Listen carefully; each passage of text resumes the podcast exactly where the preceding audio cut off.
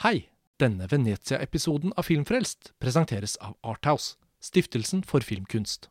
I snart 30 år har Arthouse reist rundt på filmfestivaler og håndplukket fantastiske filmer fra hele verden, som vi i etterkant får se på kino hjemme i Norge. For eksempel Bong John-hos Parasitt, Celine Siammas Portrett av en kvinne i flammer og Abdelatif Keshishs Blå er den varmeste fargen.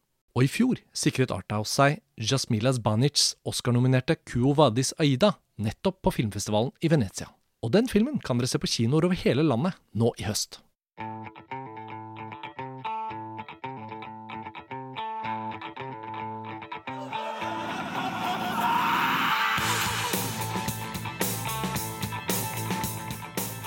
Hei og velkommen til en ny episode av Filmfrelst, podkasten til filmtidsskriftet montasj.no. Mitt navn er Karsten Meinick, og nå befinner vi oss i Venezia, på Lido, på festivalområdet hvor filmfestivalen i Venezia finner sted. Og i denne episoden så har vi med oss to gjester, i tillegg til deg, Lars Ole Kristiansen. Hei, Karsten. Hei. Og vi skal snakke om festivalens store begivenhet, Denis Villeneuves Dune. Og med oss til å snakke om det, så har vi Birger Vestmo. Velkommen, Birger, tilbake på Filmfrelst. Hei, hei. Hyggelig å være her. Og Ida Madsen Hestmann. Hei. Hei, veldig hyggelig å være med. Det er veldig fint å være fire stykker samlet til å snakke om det, det, som føles virkelig som en stor begivenhet, og som mange der ute, vi vet også mange av dere lyttere, har gledet dere veldig til. Filmen har jo blitt utsatt i mer enn et år pga. pandemien, men nå omsider så var det verdenspremiere her i Venezia på Dune. Den da nye filmatiseringen av Frank Herberts roman, som også David Lynch prøvde seg på på 80-tallet. Og um, ja, Vi har bestemt oss for å snakke om filmen på alle mulige måter, som inkluderer spoilere. Den har jo norsk kinopremiere 15.9. Det er jo egentlig bare en uke til. Så for de som da ikke kjenner romanen eller ikke har sett den tidligere filmatiseringen, og som gleder seg veldig, så må dere selvfølgelig da vente med å høre ferdig denne episoden til dere har sett filmen. Men den har jo da som sagt straks premiere, så vi kan egentlig bare kaste oss i det. Og det er jo unaturlig å ikke gå litt inn på da dette forelegget, da. Og Birger, for å starte med deg. altså Frank Herberts roman, David Lynch's film. Da du gikk til denne Denis Villeneuve-filmen, hvor forberedt var du? Jeg har alltid visst om Dune, og jeg har jo alltid hørt om David Lynch sin filmversjon, men jeg har verken lest boka eller sett Lynch-filmen.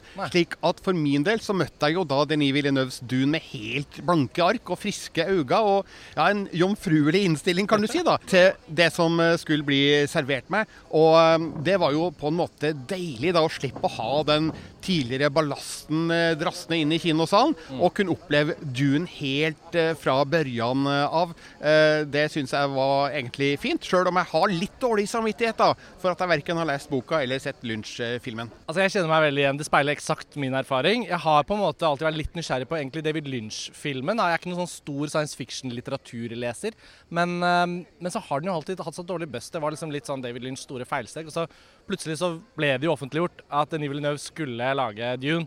Og som hans første film etter Blade Runner 2049, som var hans første film etter Arrival. Så det er liksom noe med at han lå så veldig godt til rette til å være den som virkelig naila det. Da. Og Ida, hva med deg? Hvordan var ditt forhold til Dune før du så denne filmen? Nei, Det er jo litt det samme. Ja. Uh, men jeg har jo kjøpt boka og begynte å lese på den. Og så begynte jeg jo å tenke vent, er det kanskje bedre å se filmen først, og så Eh, lese boka etterpå. Eh, fordi de gangene jeg har gjort det, så blir jeg jo ikke skuffa heller. Eh, men også jeg har jeg vært veldig fascinert av universet etter Jodorowskis Dune. og blitt veldig sånn nysgjerrig på liksom hvor drøy den kan være rent altså, når det kommer til um, disse litt mer groteske og brutale scenene. da, I, mm. i motsetning mm. til andre sci-fi-fortellinger som har blitt filmatisert. Mm. Så jeg var uh, kjempespent, og det er akkurat som et eller annet sånn underliggende et eller annet som passer med mine litt ja, marerittaktige drømmer. Som jeg har liksom Det har vært litt sånn forventninger om det. da, sånn, Hva slags type stemning har denne filmen? Er den litt mørkere enn mm Eh, mye annet sci-fi. Og så, så, Jeg elsket jo Blade Runner 2049, så jeg, jeg, hadde jo litt forventninger til at den skulle være ganske mørk, da. Altså, denne Jodorowskis Dune det er jo da en dokumentarfilm om Alejandro Jodorowskis eh, forsøk på å realisere en sikkert helt ytterst visjonær adaptasjon av Herbert-romanen på 1980-tallet, vel? 1975. Eh, 1975, ja. Som kollapset. Jeg har i likhet med Ida også gått til anskaffelse av boken for en stund siden. Og inspirert av den nært forestående premieren på Villeneuves filmatisering, så gjør vi løs. og, eh, og opplever så langt da, at det er en svært uh, tunglest uh, bok, i alle fall på uh, originalspråket. Ja, tunglest som i dårlig skrevet? Nei, den er veldig innmari Nei. fascinerende både språklig og verdensbyggingen er så omfattende at man på en måte umiddelbart blir liksom fascinert av materialet. Litt på samme måte som man leser Tolkens mm. Silmarillion, ja. på en måte. Ja. Men det er altså så mange navn og begreper og, og, steder og tradisjoner og riter og at man på en måte Det er veldig vanskelig å ta det innover seg uten å lese i et ekstremt langsomt tempo. Og når jeg da på ingen måte lyktes med å fullføre før, uh, før Venezia, så tenkte jeg som så at kanskje det egentlig er fint å se filmen først, og så gå tilbake til boken. Fordi nå, etter uh, Villeneuves forbilledlige introduksjon av planeten Arrakis og eh, Atreides-familien og The Harkonnens, så har jeg jo et, uh, en idé om, om, hva som er liksom essensen i fiksjonsuniverset, Eh, og som helt sikkert også vil gjøre leseropplevelsen eh, godt. da. Ja, For det virker jo som at Denis Villeneuve og de to andre manusforfatterne har greid å på en måte dekode Frank Herberts roman. For etter å ha sett filmen Dune, så er jo handlinga virkelig ikke tung og vanskelig å forstå. Du kan jo da kanskje kaste deg ut i oppgaven og presentere historien? Ja, det er jo litt av en oppgave. Ja, altså Det er jo en enorm mytologi som uh, spinnes uh, opp her. Men vi er jo da i uh, verdensrommet, i en galakse i år 10 000 og noe. Altså ja. ca. 8000 år frem i tid.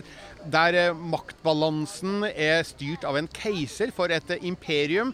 Merk dem si Imperium i filmen, ikke Empire, for da blir det altfor nært en annen uh, science fiction-serie.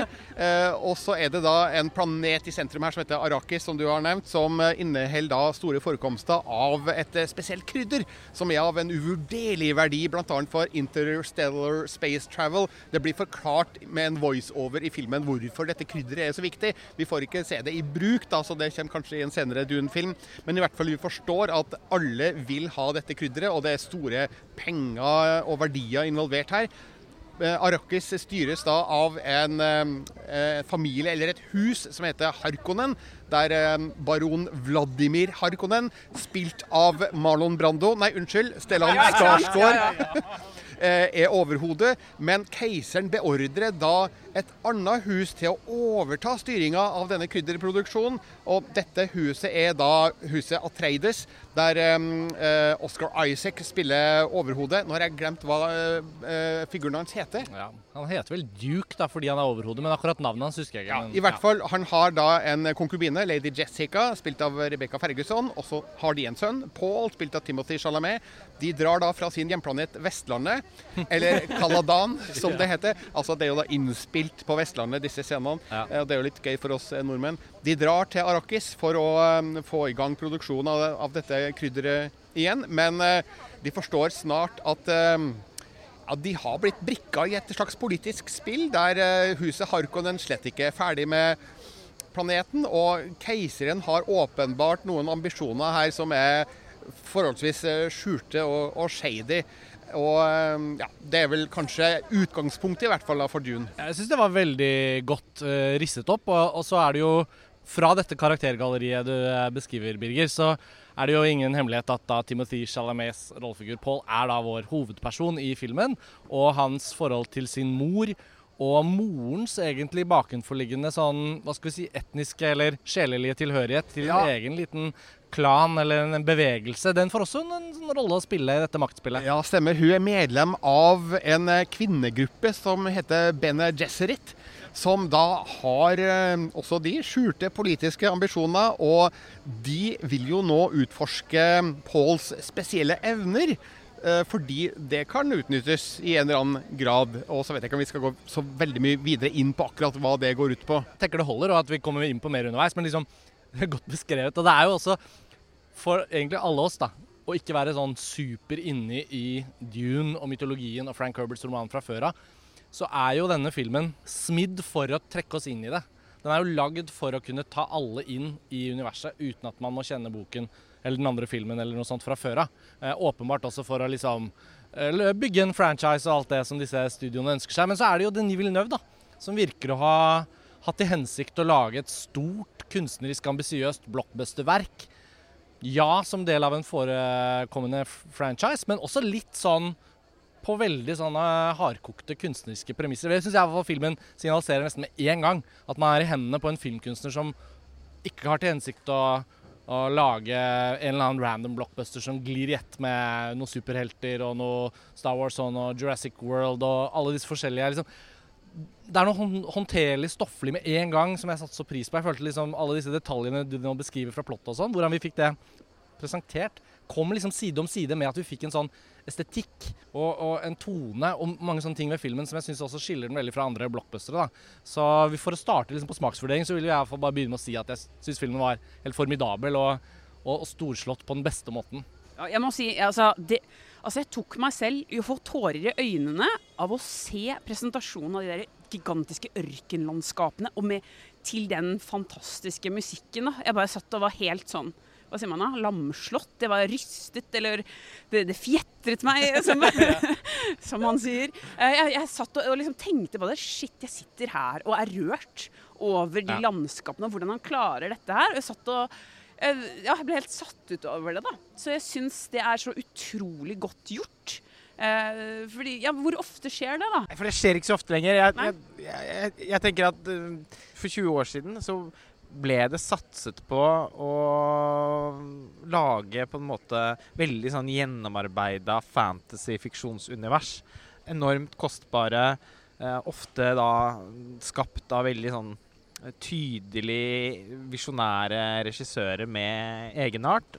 Og så er det som om alt dette liksom har flatet litt ut. Siden 'Ringenes herre' og Ja, ikke sant. Ja. Det er selvfølgelig den æraen jeg sikter til. Ja, og nå er vi i en tidsalder der superheltfilmen har vært veldig dominerende i mange år. Og med DC og Marvel. Og det er på en måte da en sjanger som står litt for seg selv. Og selv om den veldig ofte har islett av både science fiction og fantasy, og sånn, så så er det som, for meg også ofte som en eneste stor smørje, og det er et multivers, og, og everything is connected. Og jeg eh, har egentlig aldri fått inngangsbilletten inn til Marvel Cinematic Universe, f.eks. Og har lenge savnet å kunne oppleve en skikkelig fantasyfilm hvor det ikke er spart på noe, og hvor da på en måte mytologien og verdensbyggingen er av en art som gjør at jeg blir helt sånn altså, altså, At jeg får lyst til å smelte inn eh, i, i, i, i, den verdenen og fortsette utforskingen gjennom å se filmen mange ganger og glede meg som et barn til oppfølgerne. Og det mirakelet på en måte da er jo at jeg syns at Denis Villeneuve har lyktes med akkurat uh, det. Og gi deg inngangsbilletten? Til uh, sitt Cinematic Universe, i hvert fall. Ja, ja. Uh, jo, men definitivt. Altså, jeg visste ikke helt hvordan jeg skulle sortere inntrykkene og følelsene mine etter å ha sett den. Men jeg har kommet fram til at den eneste egentlige innvendingen jeg har mot filmen, er at den tar slutt. Mm, ja. Og det er litt tynn innvending. fordi det tenker jeg at alle bør være forberedt på. At eh, filmen heter ikke lenger Dune. Den heter Dune Part 1. Det er det som er den offisielle tittelen til filmen. Jeg vet ikke om IMDb eh, har blitt oppdatert eh, ennå. Men, men, det er jo så fint at man ja, ikke vet. Ja, det var en overraskelse.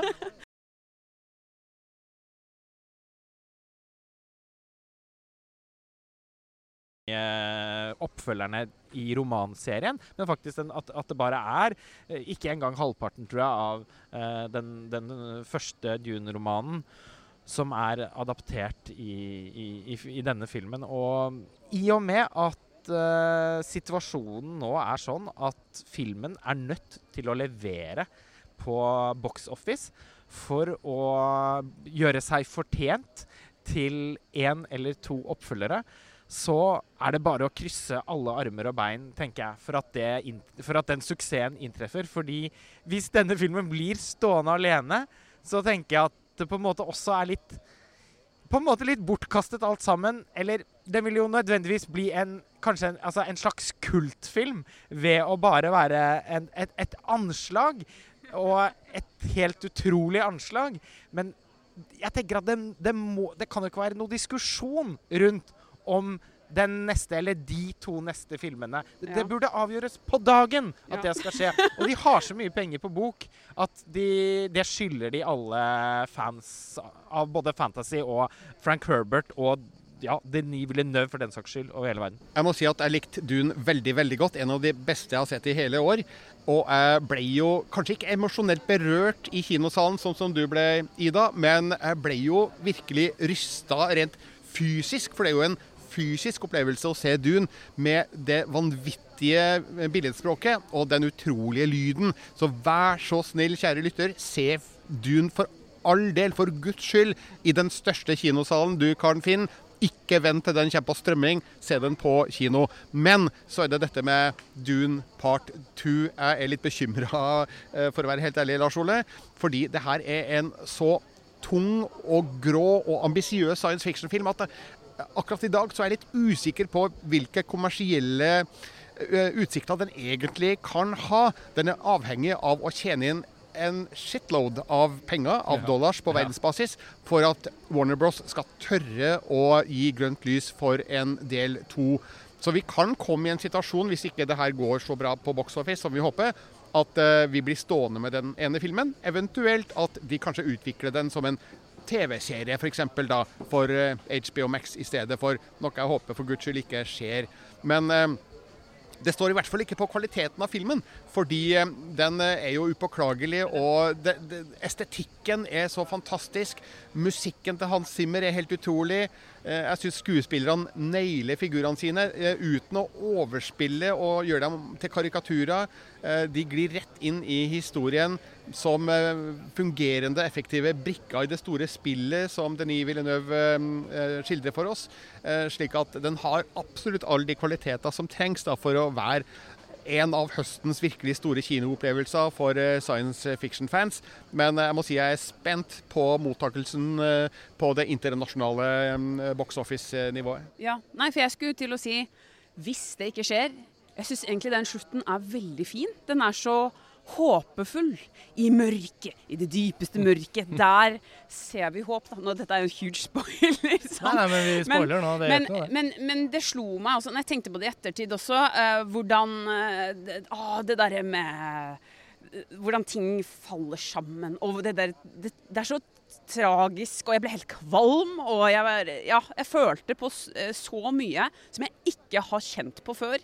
Det er den desidert beste filmen for meg i år, kanskje også på i hvert fall to år.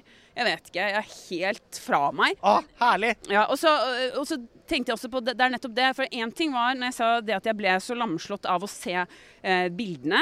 Men jo, det er jo nettopp det. At den klarer så på så effektfull måte å altså, eh, fortelle meg at hvert eneste bilde her og utsnitt er nødvendig. Eh, den har ikke, på en måte, Det er ikke for mye eller for lite. Eh, er så, det er så godt gjort i både liksom, klipp og utsnitt. Eh, samtidig som alle karakterene, tror jeg. Altså, de har, det er ingen som er liksom helt gode, helt onde. De alle er litt sånn nyanserte, og det er så utrolig godt gjort. Og jeg er helt eh, nesten sjokkert eller eh, over av, av begeistring over Timothy Chalamet som, som, storspiller i den rollen her. Ja, det er beste han har gjort. Er Oscar-kandidat. Eh, og jeg, alle rollene Jeg tenkte på det.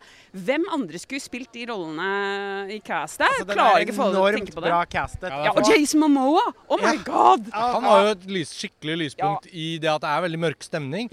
Han, hans, ja. Han er litt sånn som Oscar Isaac egentlig har vært i Star Wars. Ja, eh, Apropos at de begge ja. Men jeg syns at Jason Momoa var litt underbrukt faktisk i Dune. Det samme med Josh Brolin. To store skuespillere som egentlig ikke får så mye å gjøre. Jeg syns det er litt kult, jeg. Ja. ja, du syns ja. det. Ja, jeg syns at de godt kunne ha fått eh, en litt større betydning i historien og fått litt mer kjøtt på beinet. Jason Momoa er jo åpenbart filmens eneste comic relief og fungerer jo greit sånn sett. Selv om jeg syns Villeneuve er jo ingen humorist. Nei.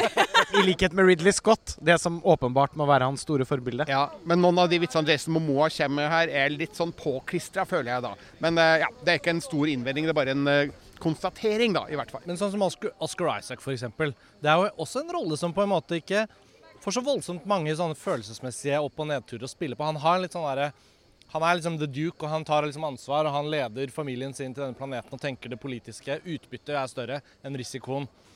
Men Uh, og nå har han jo vært med i andre ting her på festivalen, så det føles litt som sånn Oscar Isaac-festival. Ja, men, uh, tre men han, produksjoner. Ja, han er jo så utrolig sånn, sterk i uttrykket. Og det ligger så mye i castingen til Villeneuve, da, at selv om noen rollefigurer har litt færre minutter på en måte å gjøre greia si på i løpet av filmen, så har han castet på en måte som gjør at hvert ansikt er så spennende å se på. Det er ikke bare skuespillere som selvfølgelig er berømt og kjent for det de kan, men han har liksom funnet sånne godt likte, godt kjente skuespillere som også klarer å elevere gjennom bare å liksom, utnytte de minuttene på maksimal tid. Og da tenker jeg Oscar Isaac, fantastisk bra. Charlotte Rampling, no-brainer under det sløret. Den lille, veldig viktige rollefiguren. Stellan Skarsgård er jo faktisk fantastisk bra.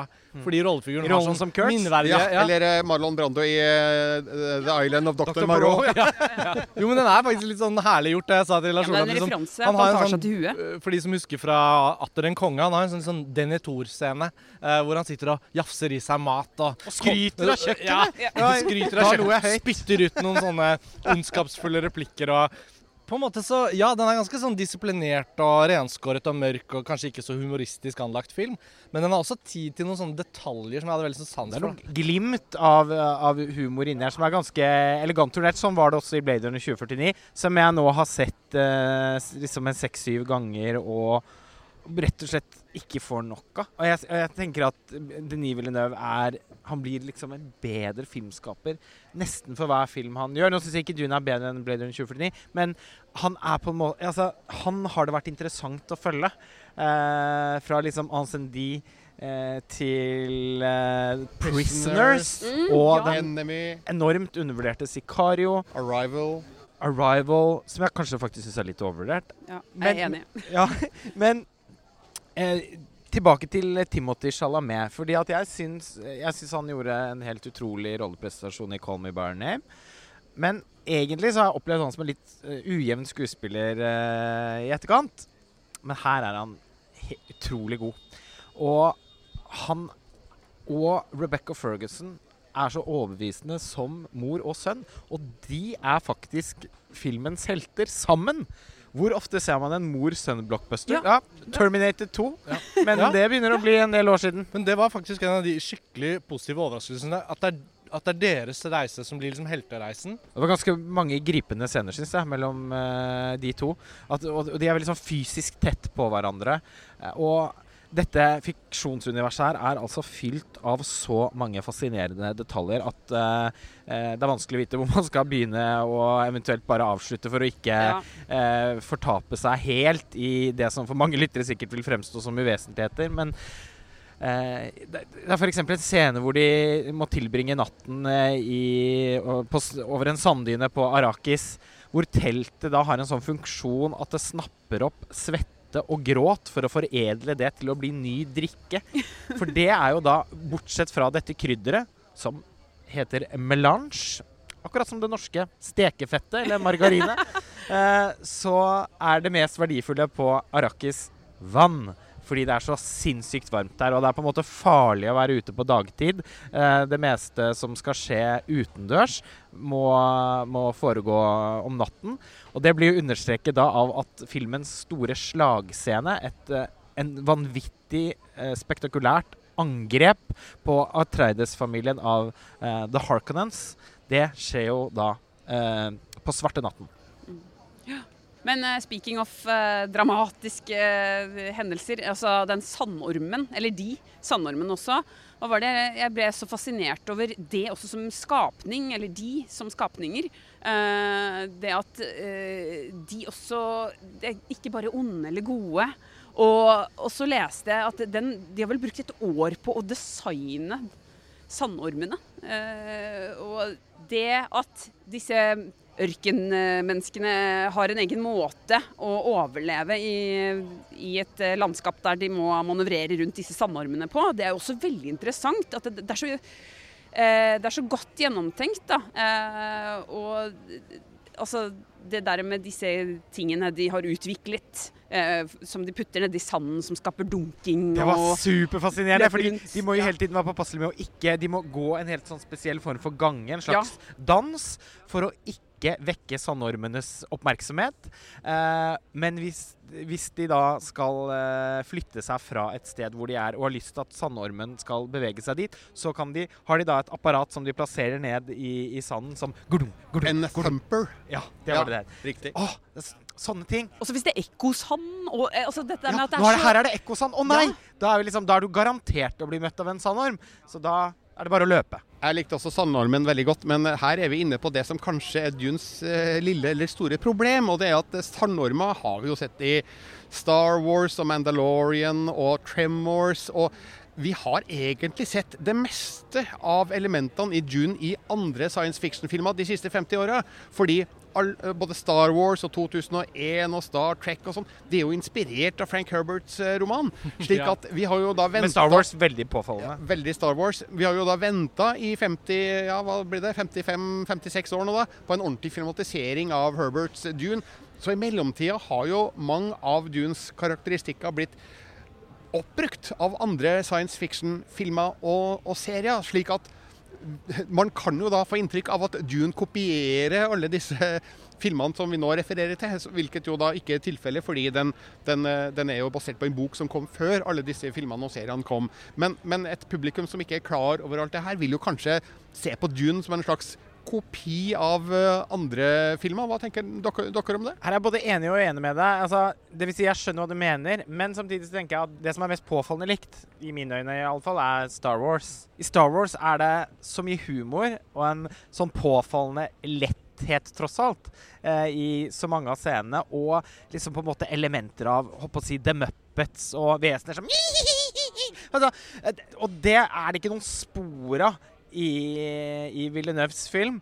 Og jeg kan egentlig ikke da komme på noen andre science fiction-filmer hvor det er en sånn nesten Game of Thrones-aktig eh, komplisert konstellasjon av forskjellige eh, familier og hierarkier og eh, koalisjoner og motstandsbevegelser og eh, som da eh, Jeg tenkte f.eks. overhodet ikke på 2001, en romodyssé underveis. Men, men, du har Game of Thrones? Det er, eh, det er mer påfallende. Men jeg tenker skille går jo på estetikken, ikke sant. At, at det er jo, jeg syns det her er noe veldig unikt. Og som jeg sa innledningsvis også, jeg syns han klarer å få med mye av det der mye mørkere og brutale uh, ved det, uh, ved historien. Ja. Som jeg har savnet litt fra sånn mye tidligere sci-fi. Det handler jo om imperialisme. Jeg tenkte faktisk på Lawrence of Arabia, som jo selvfølgelig er kjent som en av tidenes beste, men også mest episke, storslåtte filmer, eh, og som stadig vises mest på Mest sanddynetunge filmer. Jeg skulle til å si det, ikke sant? Og der kommer jo Denis Villeneuve opp med en konkurrent, da. Det er mm. voldsomt mye ørken. Ja. Desert Power, som de sier flere ganger og i filmen. Og mye grå og hvit og beige sjatteringer. Tenker du at det også er noe som da kan være en litt sånn utfordrende estetikk for et uh, større publikum? At den er litt ugjestmild, ja, i likhet altså, med planeten den foregår på? Ja, absolutt. For det her er virkelig mørkt og dystopisk. og designet og arkitekturen vi ser i Dune, er jo nærmest brutalistisk. ja, det er jo matt, det er, matte Ja, det er nesten litt sånn marerittaktig å, å, se og, og, tenke at hvordan skal mennesker liksom fungere og være eh, emosjonelle kreaturer i disse omgivelsene. Men eh, det speiler jo da de harde forholdene de lever under. og den maktkampen som pågår mellom de ulike fraksjonene i denne galaksen, som vi ikke helt vet hvor er, da, om det er i vår egen galakse eller om det er en sånn oppdikta galakse et eller annet sted. Men i hvert fall så er det jo da overraskende mørke bilder her som Det er ikke, det er ikke akkurat inviterende det universet som blir introdusert for oss her, selv om noen av disse ørkenbildene er jo vakre, påtagelig vakre, men du vil jo kanskje ikke dra dit og oppholde deg der. Eh, sånn at eh, ja, det er jo ikke akkurat en, en sånn billedmessig invitasjon til publikum på en måte som Star Wars mener, altså. og uh, Mandalorian er. Jeg, altså, jeg, jeg, er også litt fornektende, ikke sant? fordi jeg bærer litt på den samme frykten som deg. At dette egentlig er for kompromissløst og for langsomt og for krevende for det helt store publikummet, og at det vil resultere i at filmen blir stående alene. Men det kan ikke skje. og derfor tenker jeg Da må det være tidenes største Er det teite norske ordet igjen folkefinansiering. At folk må gå på kino eh, for å bidra Til at vi får mer? Til at vi får mer. Mm. Hvis folk blir tatt i å se den på TV hjemme, så henges ut på Twitter. Ja. Men jeg vil gjerne plukke opp noe vi akkurat var inne på. Det var det at uh, estetikken kanskje er såpass kompromissløs og, og, mørk, på en måte, kan man si. Da, at den er uh, uh, gud forby publikumsfiendtlig. For det tror jeg den ikke er. Filmen er jo enestående og veldig tiltrekkende. Og den har Timothy Chalamet i hovedrollen. Og, alle og Zendaya! Ja, Zendaya som vi kan utsnakke men, men, men Selveste Zendaya. Ja, men jeg vil si en ting om, om, det. Fordi jeg tenkte underveis i filmen også på hvor klokt det er tenkt og skrevet og gjennomført av Villeneuve å, tilføre filmen sånn et helt tydelig intimt trekk som uh, balanserer mot alt det storslåtte. Og det som vi får si er en slags sånn indre utviklingsreise hos Timothy Chalamets karakter. da. At han i samtale med sin mor, på en måte, eller i dialog med moren og hennes liksom, bakgrunn, så er han også klar over at det skjer noe i hans indre. Og han har disse drømmene som blir til sånne flash forwards. På at han får sånne forespeilinger om hva som skal skje mennesker han skal møte, inkludert Zendayas rollefigur. Og måten vi liksom balanserer ut de der elementene på, syns jeg er veldig godt utført. For å hele tiden påminne oss om at hovedpersonens indre reise er også øh, viktig. Og dermed klarer vi å fri oss fra hele tiden på en måte lene filmopplevelsen på de store, episke eh, tingene. Da. Og det tror jeg faktisk har vært et lurere valg enn de kanskje vet. Fordi Eh, jeg, i, i, mange nok sekvenser av sånn brutalistisk arkitektur og ørken og, og, kommandører som kommanderer på tvers av store rom hvor de har møter og sånn, hvis det blir for mye av det, hvis det blir for tungt. Og den balansen har de funnet både sikkert i manus og strukturen, men også litt sånn i klippen, og hvordan klippen er litt sånn tidvis litt sånn nesten ekspressiv.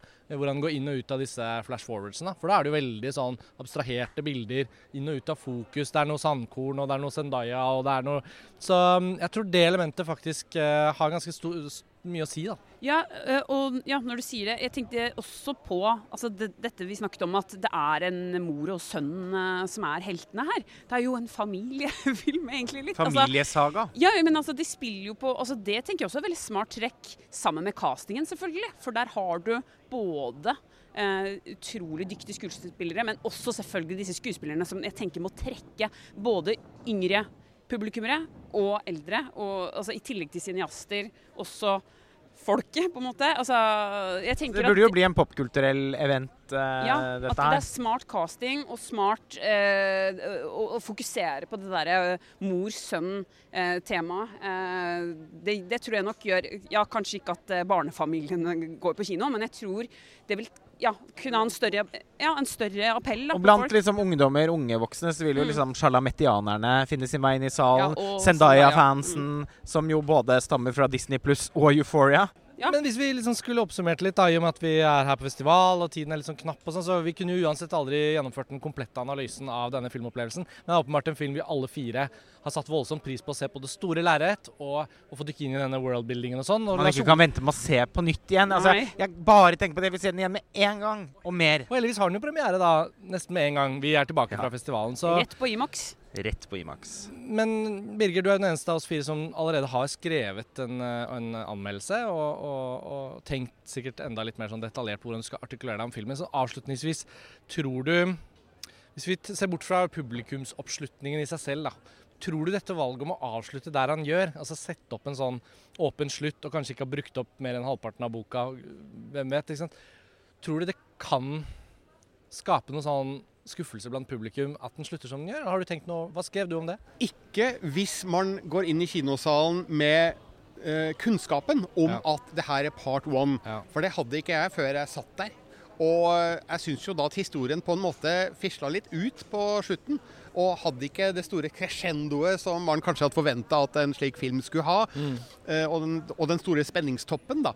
Men, uh, men, uh, men samtidig så setter den jo opp absolutt spennende premisser for en oppfølger som vi bare krysser fingrene for blir produsert. Mm. Jeg ser jo at den allerede har en oppføring på Internet Movie Database. Ja. Det betyr jo ikke at den blir laga. Det betyr at den er påtenkt og er kanskje i preproduksjon. Ja. Men vi, vi, får bare se hva Warner Bros velger å gjøre om de vil gi den grønt lys etter en suksessrik åpningshelg. Men jeg tror at det her er en film som kan treffe godt, altså. For det er jo en eventfilm.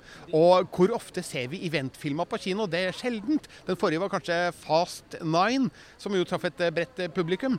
Men jeg tror og håper at Dune vil få et såpass godt word of mouth at den får ganske godt besøk. Og den fortjener jo virkelig det. For det her er storslått science fiction med store ambisjoner, og som gir god uttelling for det man investerer i den. Eh, slik at jeg har et godt håp om at eh, den her får et godt kinoliv nå i høst. Veldig bra. Og jeg tenker at når den heter da Dune Part 1, så er det jo tross alt litt forpliktende. Og selveste Zendaya sier jo mot slutten av filmen dette er bare begynnelsen. Jeg bare tenkte på, for, for Når du snakker om Fast and Furious 9 og hva er det som trekker, da? Det er jo kjøretøy og sånne ting. Hallo, altså Designet på de der flyvemaskinene, holdt jeg på å si. Eh, altså, ornitokopterne. Ja, ornitokopterne. Altså, det, det er jo for, for de som er, kommer på kino for å se sånne type maskiner Gadgets, også. Det, ja, ja. gadget, altså, det er jo helt fantastiske design. Ja, Kinoblockbusterne kan i hvert fall ikke være en kultur som dør ut, og jeg tror ikke det gjør det. Eh, Birger, Ida, takk for at dere var med som gjester. Vi vet at dere har sagt dere er villige til å være med på en episode til, så da hører vi snart fra dere igjen. Lars Ole, eh, takk for denne gang. Eh, vi signer ut fra Venezia og er snart tilbake med en ny episode. Ciao. Ha det bra. Hei.